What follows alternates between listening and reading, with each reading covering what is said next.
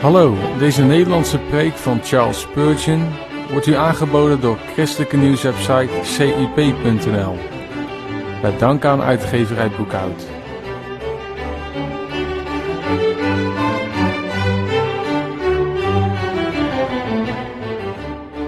De verloren zoon kwam tot zijn vader, ingesproken door Frits Simons. En opstaande ging hij naar zijn vader. Lucas 15, vers 20a. In deze volzin wordt de essentiële wending getoond in het leven van de verloren zoon. Veel oorzaken hebben hem zo ver gebracht. Voordat hij zo ver was, waren er al veel hoopgevende tekens in zijn leven te zien. Maar als hij het keerpunt zelf nooit bereikt had, zou hij blijvend verloren geweest zijn. Dan zou hij niet gevonden zijn en alleen maar gediend hebben als een voorbeeld ter waarschuwing, niet ter navolging. Opstaande ging hij naar zijn vader. Omdat ik op dit moment niet gezond ben, spreek ik vandaag geen overbodige woorden en ga ik, zolang mijn stem mij toelaat, recht op mijn doel af. Ik bid de Heere of de Heilige Geest elk woord kracht en indruk wil schenken. Ik wil ermee beginnen dat hier sprake is van een bepaalde actie. Opstaande ging hij naar zijn vader. Hij was al langer aan het nadenken. Hij was al tot zichzelf gekomen, maar dat was nog niet voldoende om naar zijn vader te gaan. Hij had zijn verleden overdacht en het lege ingezien van het vermaak in de wereld. Hij zag zijn situatie, zijn verhouding tot zijn vader en zijn vooruitzichten als hij in dit land zou blijven, onder ogen. Hij had nagedacht over wat hij zou moeten doen en wat de gevolgen ervan zouden zijn. Maar pas nu verliet hij dagdromen en ging hij over tot de daad. Hoe lang zal het nog duren, beste mensen, voordat u zo ver komt? Ik ben blij dat ik u zie nadenken. Ik hoop dat het niet zonder resultaten zal blijven als u uw weg, situatie en toekomst gaat overdenken. Zie uw toekomst serieus onder ogen, want onnadenkendheid is het ergste voor veel reizigers naar de eeuwigheid. Het doet de onvoorzichtige in de afgrond van de vleeselijke gerustheid vallen om erin te sterven. Sommigen onder u hebben al lang genoeg tot de nadenkers behoord. Het wordt tijd om te gaan handelen. Eigenlijk zou het beter zijn als u al lang tot de daad gekomen was want de verzoening met God is geen zaak om ook maar één moment uit te stellen. Als iemands leven aan een zijden draad hangt, omdat de afgrond onder zijn voeten gaapt, is het duidelijk wat hij moet doen. Lang nadenken is overbodig. Even nodig is het om op dit moment zonder aarzelen Christus aan te grijpen, om het gevaar te ontkomen. Sommigen onder u hebben gedacht, gedacht en nog eens gedacht totdat het u naar het verderf zal leiden. Ik wens dat u door de genade van God van denken overgebracht zult worden naar geloven. Anders zullen uw gedachten en uw pijniging de worm zijn die niet sterft. De verloren zoon was ook verder gekomen dan tot spijt alleen. Het was een diep verdriet voor hem dat hij het huis van zijn vader had verlaten. Hij betreurde zijn verkwistingen en overdadig leven. Hij had verdriet over het feit dat hij als zoon van zo'n vader zwijnenhoeder was in een vreemd land. Maar nu was die spijt, dat verdriet, veranderd in een hartgrondig berouw. En daarom nam hij de moeite om weg te raken uit deze betreurenswaardige toestand. Wat is het nut van spijt of verdriet over de zonde, als we er geen afscheid van nemen? Open de sluisdeuren van uw verdriet. Als de tranen het trad van de werkzaamheid zullen aandrijven. Maar als uw tranen voortkomen uit pure sentimentaliteit, kunt u ze beter niet huilen. Welk nut heeft het voor de mens als hij zegt dat hij verdriet heeft van zijn verkeerde daden en ze toch blijft vasthouden? We zijn blij als we zondaren verdriet zien hebben over de toestand waarin ze door de zonde geraakt zijn en over de zonden zelf. Maar als het verdriet niet verder gaat, bereidt hen slechts voor op het eeuwige berouw. als de verloren zoon door wanhoop tot werkeloosheid was gebracht, of als het verdriet hem verstomd had, zou hij ver van het huis van zijn vader omgekomen zijn. Ditzelfde lot zal meer mensen treffen als de droefheid over de zonde hen tot een hoogmoedig ongeloof en een wanhopen aan Gods liefde brengt. Maar deze verloren zoon was verstandig, want hij schudde de slaperigheid van de vertwijfeling van zich af en stond vastberaden op om naar zijn vader te gaan. Wanneer zult u, die nu nog treurig blijft zitten, wijs genoeg zijn om hetzelfde te doen? Wanneer zullen uw denken en treuren plaats maken voor dadelijke gehoorzaamheid aan het evangelie? De verloren zoon ging nog verder dan het besluit alleen.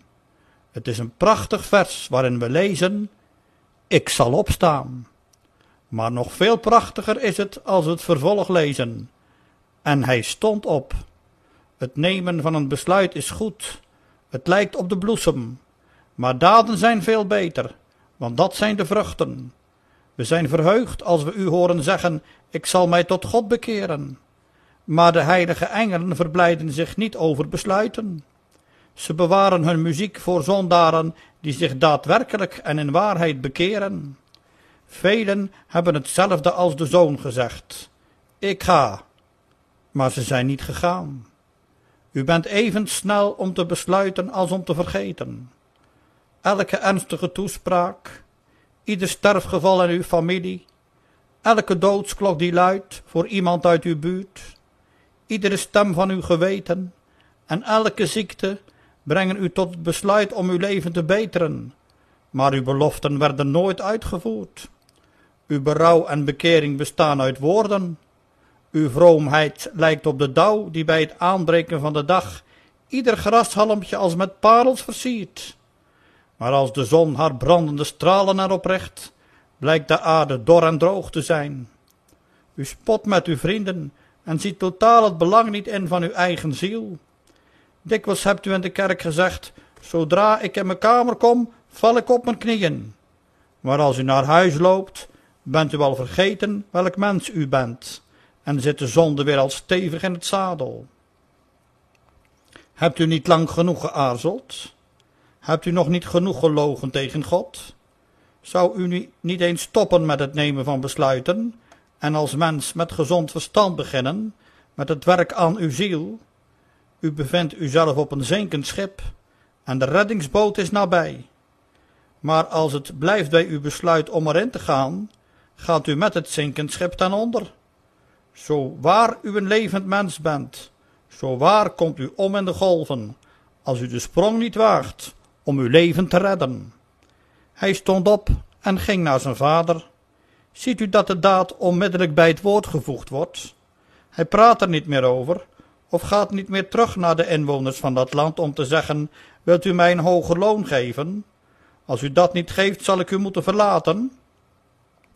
Als hij zou gaan onderhandelen, was hij al verloren geweest. Hij heeft geen ontslag ingediend bij zijn baas, maar verbrak het contract door te vluchten. Ik zou wel willen dat alle zondaren hier hun verbond met de dood verbraken en hun overeenkomst met de hel teniet deden, door om hun levenswil naar Jezus te vluchten. Hij ontvangt zondaars graag. We hebben geen toestemming of vergunning nodig om de dienst van de zonde en de duivel te verlaten. Evenmin is het een onderwerp om eerst nog een maand over na te denken. Snel en onmiddellijk handelen is hier een vereiste. Lot stelde niet uit door eerst nog aan de koning te vragen of hij zijn gebied wel mocht verlaten. Ook vroeg hij de wijkoudste niet of het wel verstandig was om zomaar uit zijn huis te gaan. Nee, terwijl de hand van de engel hem voordreef, vluchtte hij met de zijnen de stad uit. Toch slaagde een van hen niet in de vlucht. Ze aarzelde en keek achterom, en dat kostte haar het leven. Deze zoutpilaar is voor ons een waarschuwing om bang te zijn voor uitstel, als ons gezegd wordt om uit levensbehoud te vluchten.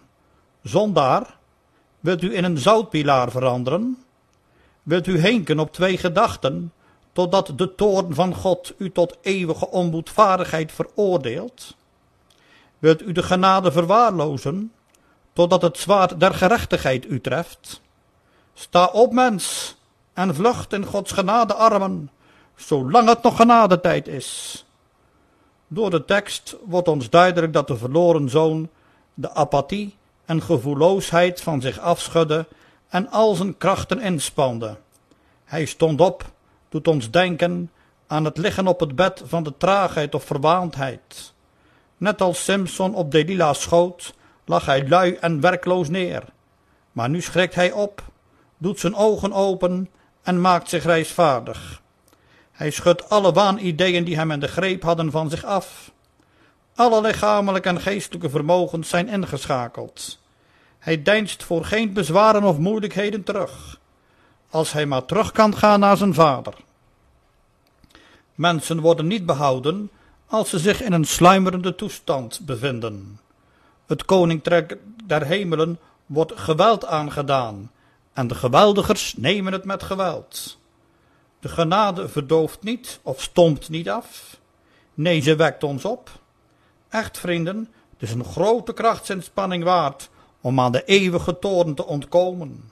Het is de moeite waard om met al de vermogens van uw lichaam, geest en ziel uzelf aan te spreken en te zeggen: Ik kan niet verloren gaan. Ik wil niet verloren gaan. Ik moet genade verkrijgen door Jezus Christus. Zondaar, het ergste is eigenlijk dat u zo traag en onverschillig bent. U laat het er maar op aankomen. De zonde heeft u betoverd en verlamd. U slaapt als op een donzend bed en vergeet dat u in gevaar bent. Nog eventjes slapen, roept u. Nog eventjes met de handen over elkaar liggen. En zo slaapt u maar verder, terwijl uw veroordeling klaar staat. O ontwaak toch. Mijn stem is niet in staat om u op te wekken. Ik wens dat de Heere zelf u opschrikt, want het gevaar dat u bedreigt is het grootste dat bestaat. Uw adem hoeft maar te stoppen, of uw bloed hoeft maar, bloed hoeft maar op te houden met stromen, en u bent voor eeuwig verloren. Uw leven is brozer dan een spinnenweb, en toch hangt uw eeuwige bestemming ervan af. Als u verstandig bent, doet u geen oog meer dicht, voordat u God hebt gevonden en vergeving hebt gevraagd. Wanneer zult u tot de handeling overgaan? Hoe lang moet het nog duren voordat u in Jezus gelooft? Hoe lang moet u nog blijven spelen op de rand van de eeuwige afgrond? Hoe lang durft u de levende God nog uit te dagen? Het tweede punt. Je hebt hier een ziel die in dadelijke aanraking met God komt. Opstaande ging hij naar zijn vader. Het zou hem niets opgebracht hebben als hij alleen maar opgestaan was en niet naar zijn vader gegaan zou zijn. Dat moet de zondaar namelijk onder leiding van de geest doen, onmiddellijk en zonder omwegen naar zijn God gaan. Maar jammer genoeg doen veel bekommerde mensen dat niet. Ze gaan eens naar een vriend om met hem te praten, of ze gaan naar een ouderling of diaken, die ook een mens met zonden is. Ze zoeken toevlucht bij een heilige of bij de maagd Maria en vragen of zij hun middelaars willen zijn. Jezus Christus is de enige middelaar die aangenomen moet worden. Alleen door hem kunnen wij onmiddellijk tot God gaan.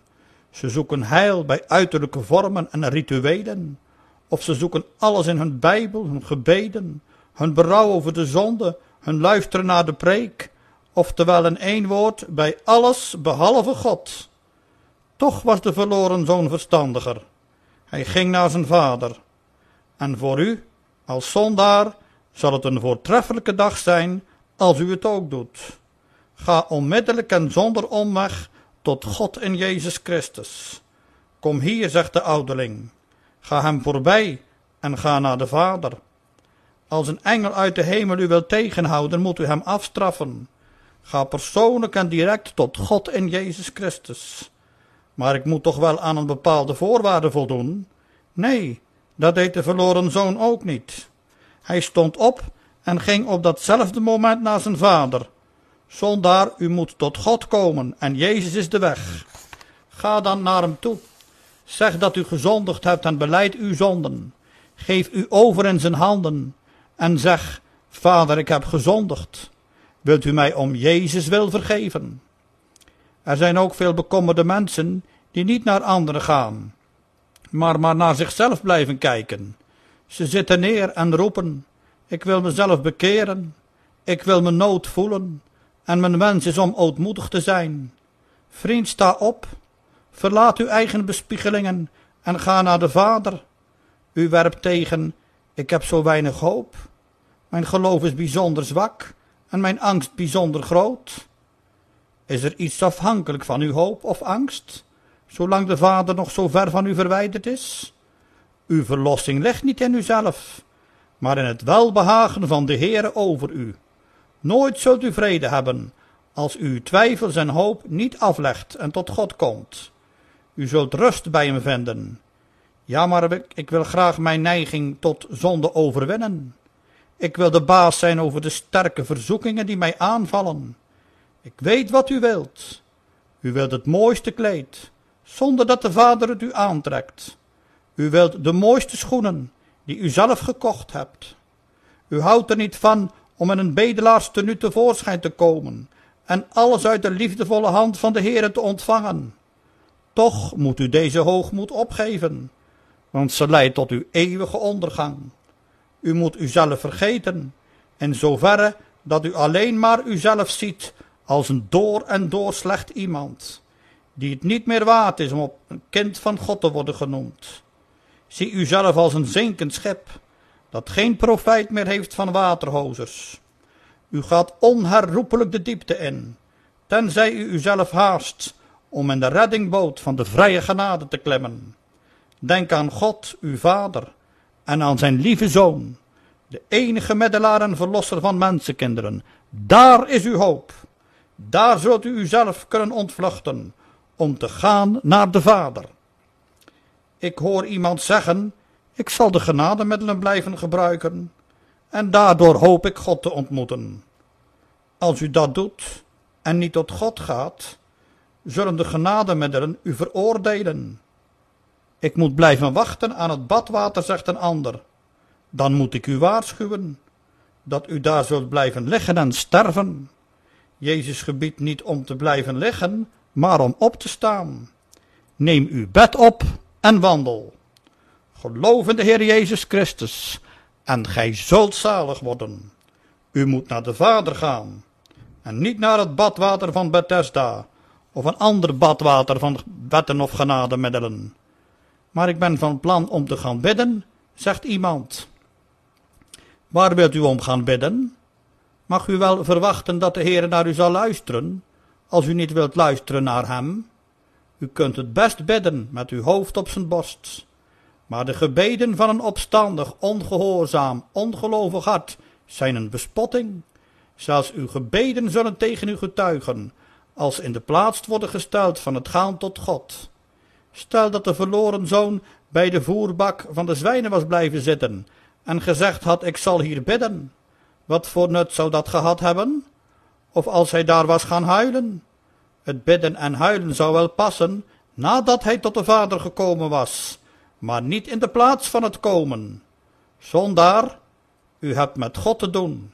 Haast u nu meteen naar hem toe. U hebt niets te verwachten van uzelf of van wat anderen voor u kunnen doen.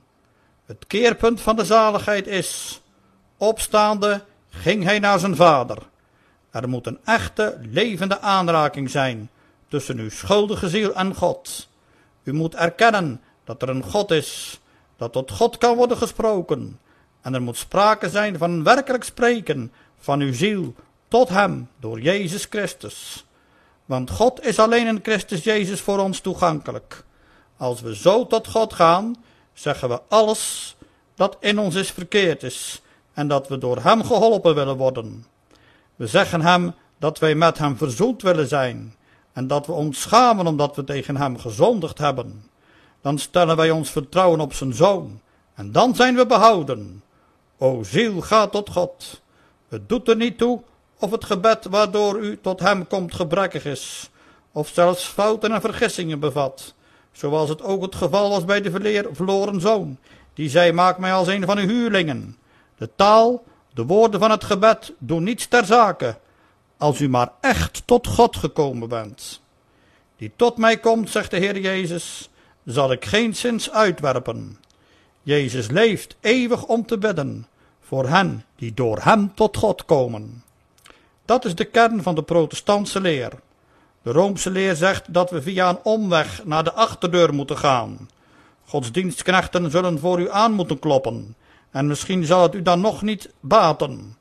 Maar de grote, oude protestantse leer zegt dat u zelf tot God moet gaan.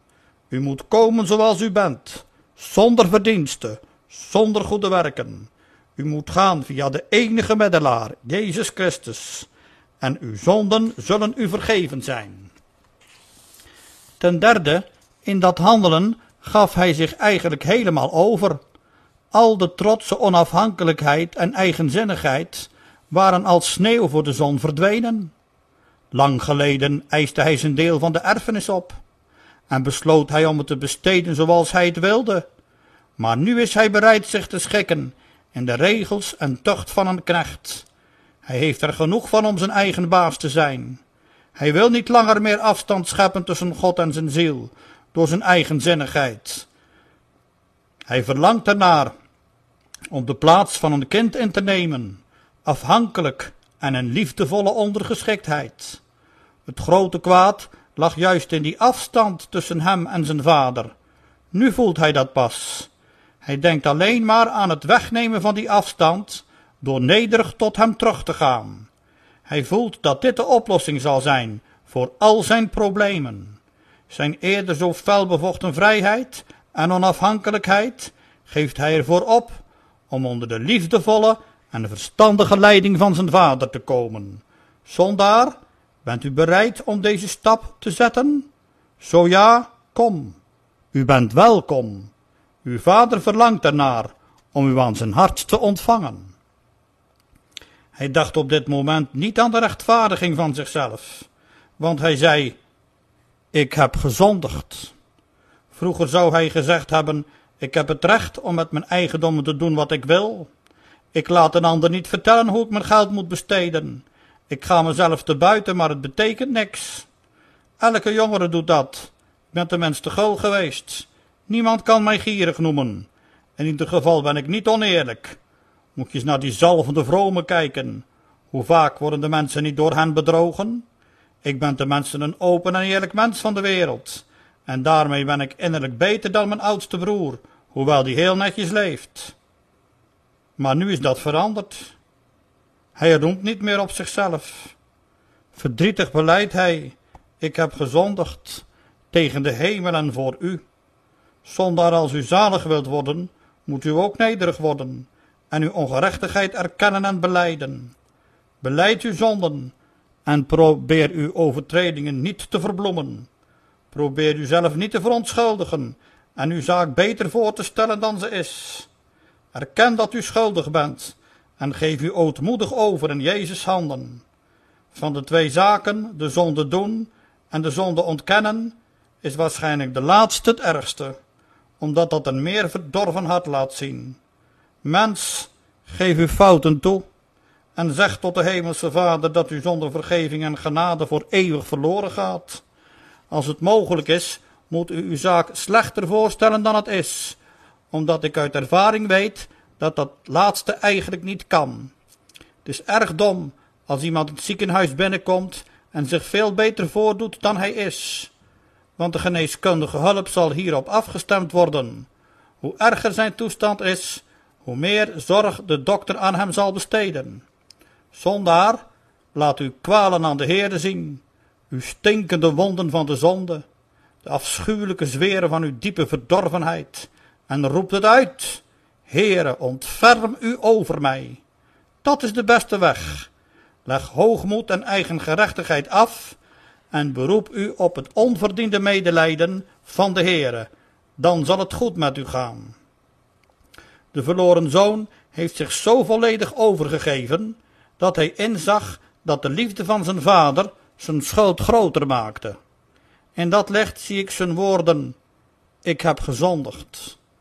Er wordt bijzonder nadruk gelegd op ik heb gezondigd, terwijl dit volgt op het woord Vader. Goede God, ik heb uw goede wet overtreden. Liefdevolle, tedere, ontfermende God, ik heb bewust en kwaaddenkend tegen u gezondigd. U bent een zeer liefdevol vader voor me geweest. Door zonder reden tegen u te zondigen, heb ik u laf en schaamteloos verraden. Dit beken ik voluit, met ootmoed en verdriet. Ik zou me kunnen verontschuldigen als u een tiran zou zijn, maar u bent een vader geweest, en dit maakte mijn zonde nog veel erger. Het is goed om zo'n beleidenis voor de vader te horen uitspreken. De berouwvolle zoon heeft ook al zijn rechten en aanspraken opgegeven, want hij zegt, ik ben niet meer waardig uw zoon genaamd te worden. Hij zou kunnen zeggen, ik heb gezondigd, maar toch ben ik uw kind. De meesten van ons zouden dit toch een goed argument vinden, maar hij niet. Daar is hij te nederig voor geworden.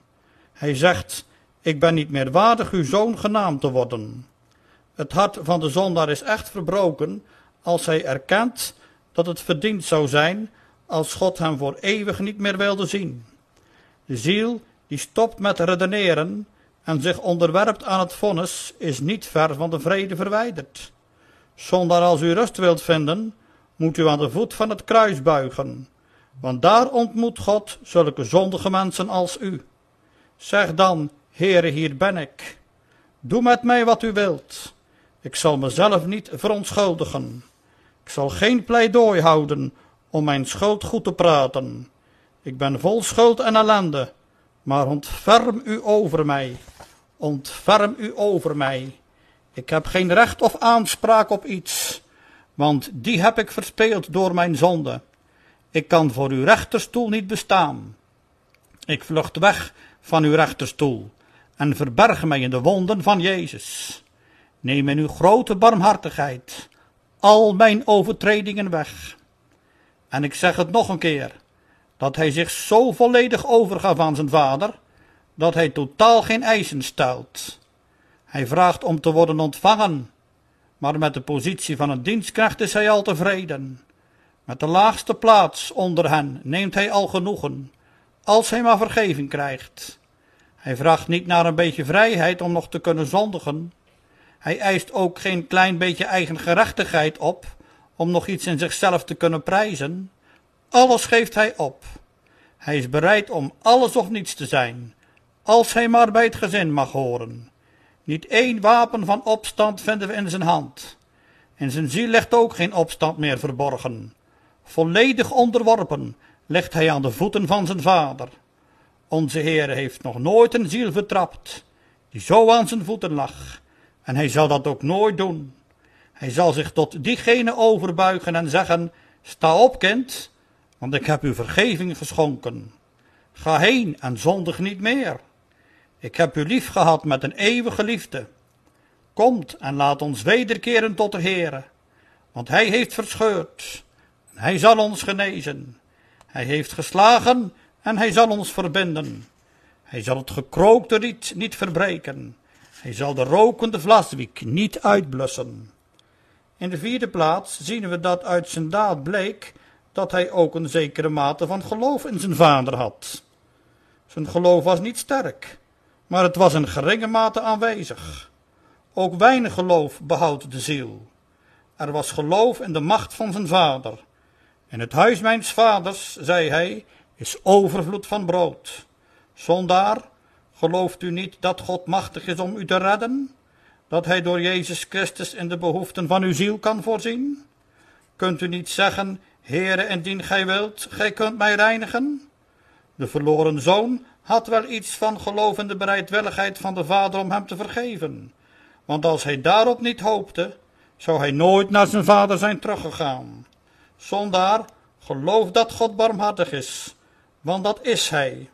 Geloof door Jezus Christus dat hij niet uit is op de dood van zondaren, maar dat hij wil dat ze zich tot hem bekeren en leven. Dat is de waarheid. En weiger om over God andere leugens te geloven. Hij is niet hard of streng. Hij heeft er een heilig vermaak in om zonden te vergeven. De verloren zoon geloofde ook in de bereidwilligheid van de vader om hem te zegenen.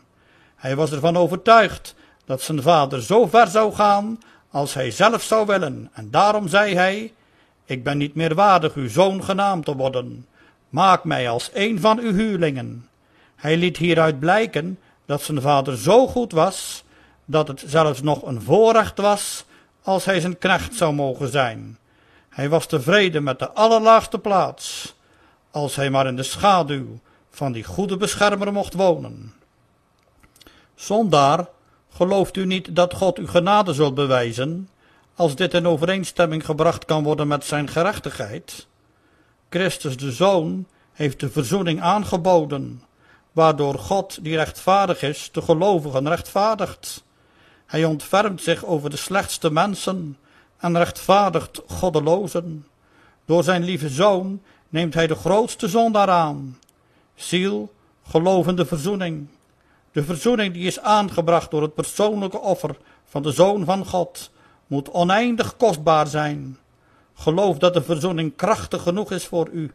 Het is u behoud als u de toevlucht neemt tot die verzoening en u vastklemt aan het kruis van Christus. Door deze daad zult u hem eren. Het is de enige manier waarop u hem kunt eren. U kunt hem eren door te geloven dat hij u, zelfs u, kan zalig maken. Hij die, ondanks zijn eigen onwaardigheid, toch in Gods genade gelooft, heeft een echt geloof. De schuldbewuste zoon in de gelijkenis ging naar de vader, terwijl hij wist dat hij zelfs geen recht had meer had op het zoonschap.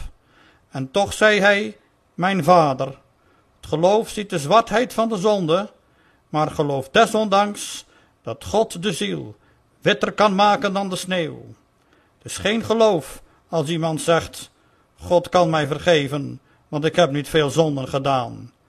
Nee, het is echt geloof als iemand zegt, ik ben een grote veroordeelde zondaar, maar toch kan Gods oneindige genade mij vergeving schenken en het bloed van Jezus mij schoonwassen. Geloof tegen uw gevoel en geweten in. Geloof in God, al lijkt iedereen en alles te zeggen, hij kan en wil u niet behouden. Geloof in God, zondaar, over de toppen van de bergen van uw zonde heen. Doe wat Bunyan gedaan heeft. Hij was zo bang voor de straf die hij verdiend had voor zijn zonde, dat hij niets anders kon doen dan in Gods armen lopen en zeggen, al zou hij ook een uitgetogen zwaard in de hand hebben gehad, dan zou ik nog liever tegen de spits van dat zwaard zijn aangelopen, dan van hem weg te blijven. Doe ook zo, zondaar. Geloof in God. Geloof in niets anders, maar vertrouw op God, en u zult de zegen verkrijgen. Wonderlijk is de macht van het geloof over God. Het doet een beroep op zijn gerechtigheid en genade. Ik zal dit duidelijk maken door een klein verhaal te vertellen. Toen ik een tijdje geleden door mijn tuin wandelde, zag ik een hond tussen de bloemen spelen. Omdat ik twijfelde aan zijn capaciteiten als tuinman en hij ook niet van mij was, gooide ik een stok naar hem toe om hem weg te jagen.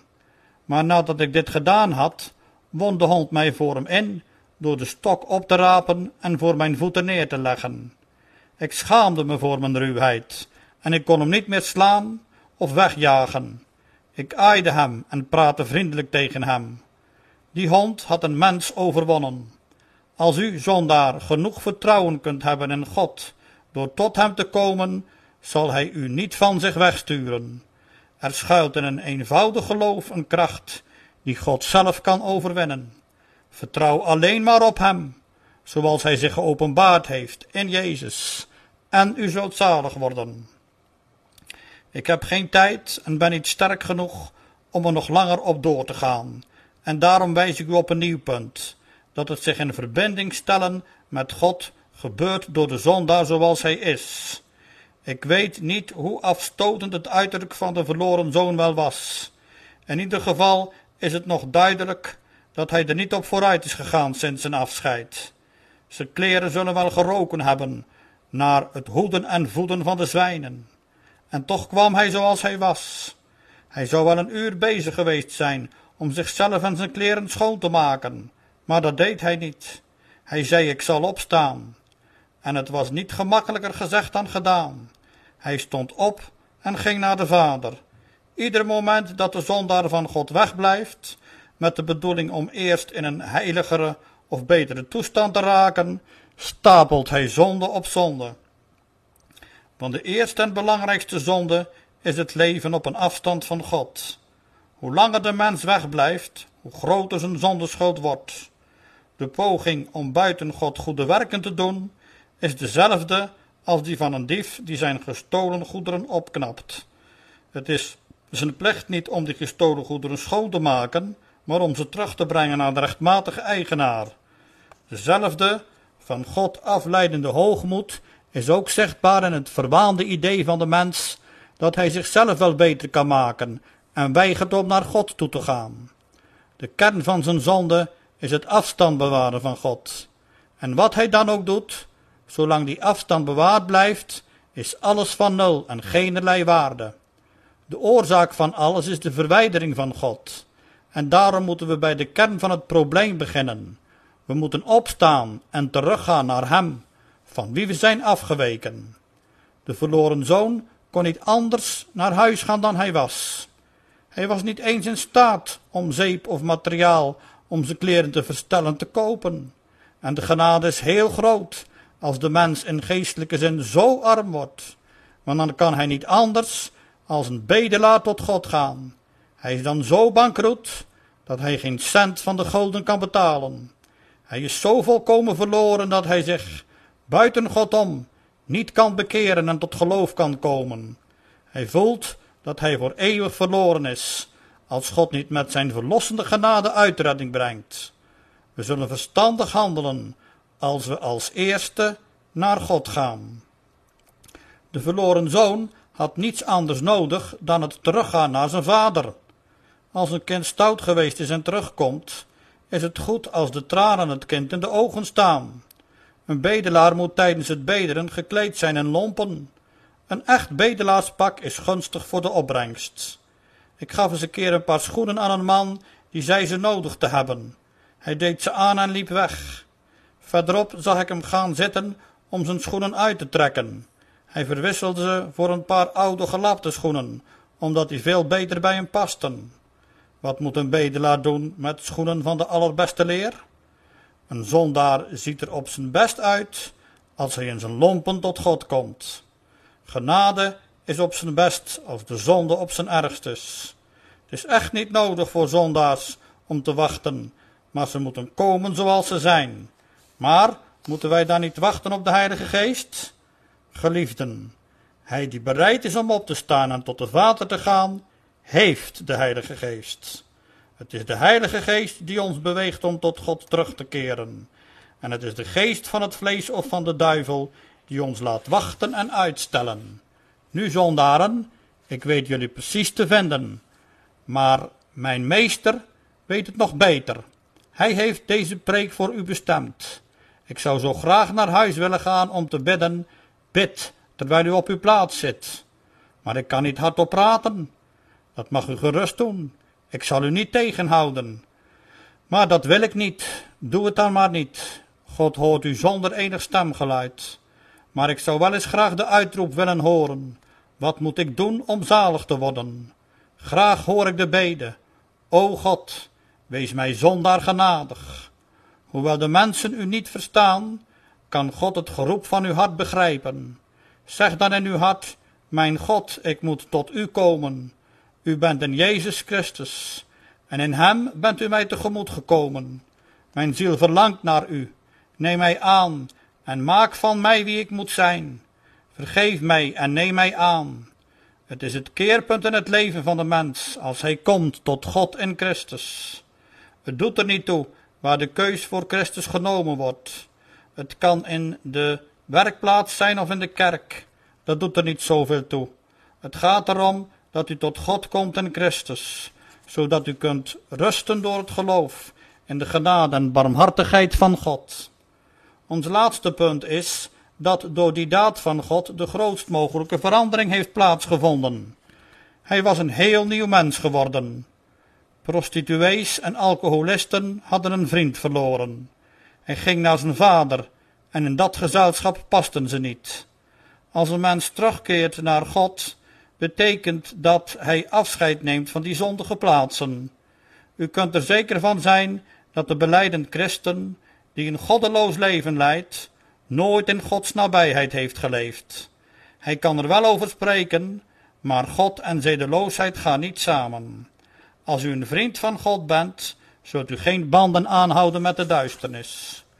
Door zijn keus nam de verloren zoon ook afscheid van zijn vernederende baan.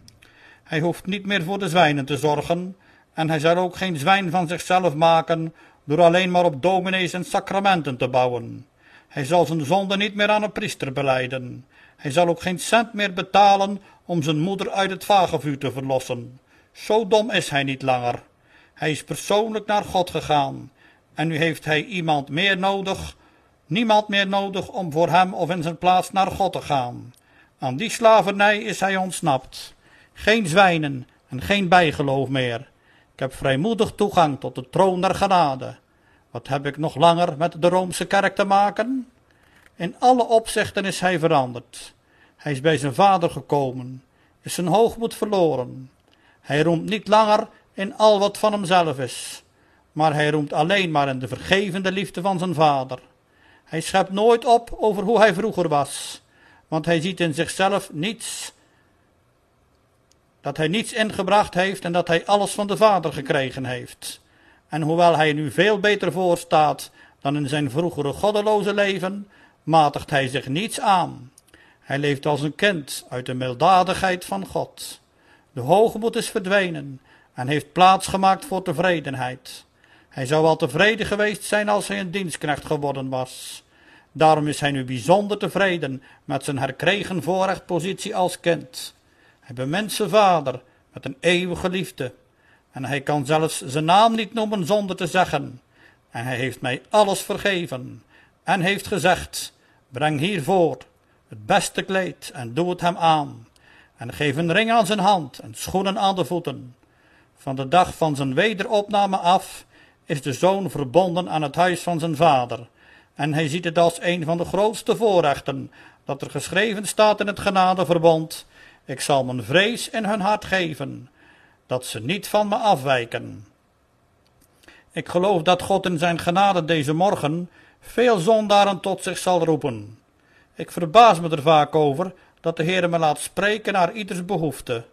Vorige week zondag kwam hier een jongen, de zoon van een voorname meneer uit het buitenland. De jongen was sterk onder de indruk van de waarheid. Zijn vader was een volgeling van een bepaalde Oosterse godsdienst. De jongen zag er erg tegenop om tegen zijn vader te vertellen dat hij christen geworden was. Die zondag werd hij getroffen door een, naar het leek, afgestemde preek op zijn eigen situatie. Indien uw vader u wat harts antwoordt, wat dan? Hij kwam naar me toe om te zeggen dat hij God gedankt had voor deze boodschap. Hij hoopte dapper te kunnen zijn voor de komende beproeving. Ik voel dat ik voor sommigen onder u ook een zeer duidelijke preek houd. U zegt, mag ik nu tot God gaan zoals ik ben? En door Jezus Christus mij aan hem overgeven? Zal hij mij vergeven? Beste man of vrouw, probeer het. Dat is het beste wat u kunt doen. Probeer het. En als de engelen in de hemel zich niet verblijden, is er iets veranderd. Dan is God niet meer dezelfde als in de vorige week. Want ik weet dat hij vorige week wel zondaren ontvangen heeft en dat hij het nu ook nog zal doen. Ik ben het meest bang voor uw uitspraak. Ik zal er nog eens over nadenken. Denk niet, maar doe het. Niets anders dan de daad is nodig. Ga tot God. Is het geen natuurlijke oorzaak dat een schepsel in vrede leeft met zijn schepper? Is dit niet in overeenstemming met uw geweten? Is er niets in u dat roept, ga naar God en Jezus Christus? Bij de verloren zoon was het de hongersnood die hem zei dat hij naar huis moest gaan. Brood was duur en het vlees was haast niet te krijgen. Hij leed honger en iedere kramp zei, ga naar huis, ga naar huis. Toen hij naar zijn vorige vriend ging om hulp te vragen, zeiden diens donkere ogen, ga naar huis, wat doe je hier nog? Er is een tijd voor zondaren, dat zelfs hun voormalige vrienden lijken te zeggen, we hoeven u niet meer, u bent veel te ellendig en te droevig. Waarom gaat u niet naar huis? Ze stuurden hem weg om voor de zwijnen te zorgen. Dat, dan, daar lijkt zelfs het zwijnengeknor te roepen, ga naar huis. Hij kijkt naar zijn lompen en zijn kleren vol gaten en scheuren. Het lijkt of ze hem toeroepen, ga naar huis. En als hij in gedachten het gezicht van zijn vader zag, hoorde hij, kom naar huis. Hij dacht aan de overvloed van thuis. En elke broodkruimel leek te zeggen, kom naar huis. Hij dacht aan de dienstknechten, die rond het middagmaal zaten, en ze leken hem toe te roepen, kom terug. Uw vader geeft ons een overvloed aan eten en drinken, kom naar huis. Alles leek hetzelfde te zeggen. Alleen de duivel fluisterde, doe het niet. Ga door tot het bittere eind. Het is beter om van honger te sterven dan u te onderwerpen. Toch ontkwam hij aan de macht van de duivel, omdat hij tot zichzelf gekomen was. Daarom antwoordde hij, nee, ik zal opstaan en tot mijn vader gaan. Ik hoop dat u even verstandig bent. Zondaar, wat heeft het voor nut om in uw hoogmoed om te komen? Geef u toch over, onderwerp u, weg met uw hoogmoed. U zult het niet zo moeilijk vinden als u denkt om u te onderwerpen aan de Vader, die ons heeft liefgehad en zich in de persoon van zijn Zoon voor ons heeft overgegeven. U zult de onderwerping als liefdevol ervaren. En als u zich in zijn armen bevindt, zult u voelen dat het goed is om te wenen over de zonde en om de verkeerde daden te erkennen en te beleiden. En dat het heerlijk is om hem te horen zeggen, ik delg uw overtredingen uit als een nevel en uw zonden als een wolk. Al waren uw zonden als scharlaken, ze zullen wit worden als sneeuw. Al waren ze rood als karmozijn, ze zullen worden als witte wol. De Almachtige God geven dat dit mag gebeuren met velen onder ons. Hij zal al de eer ontvangen, maar ik zal bijzonder verheugd zijn, want de manieren van de oudste broer van de verloren zoon ken ik niet. Ik zal bijzonder blij zijn als u komt, om mijn Heere en Meester als de uwe te erkennen, zodat we samen aan het heilige feestmaal van Hem mogen aanzetten. Dan zullen we ons verblijden in Zijn liefde. God zegene u, om Zijn naams wil. Amen.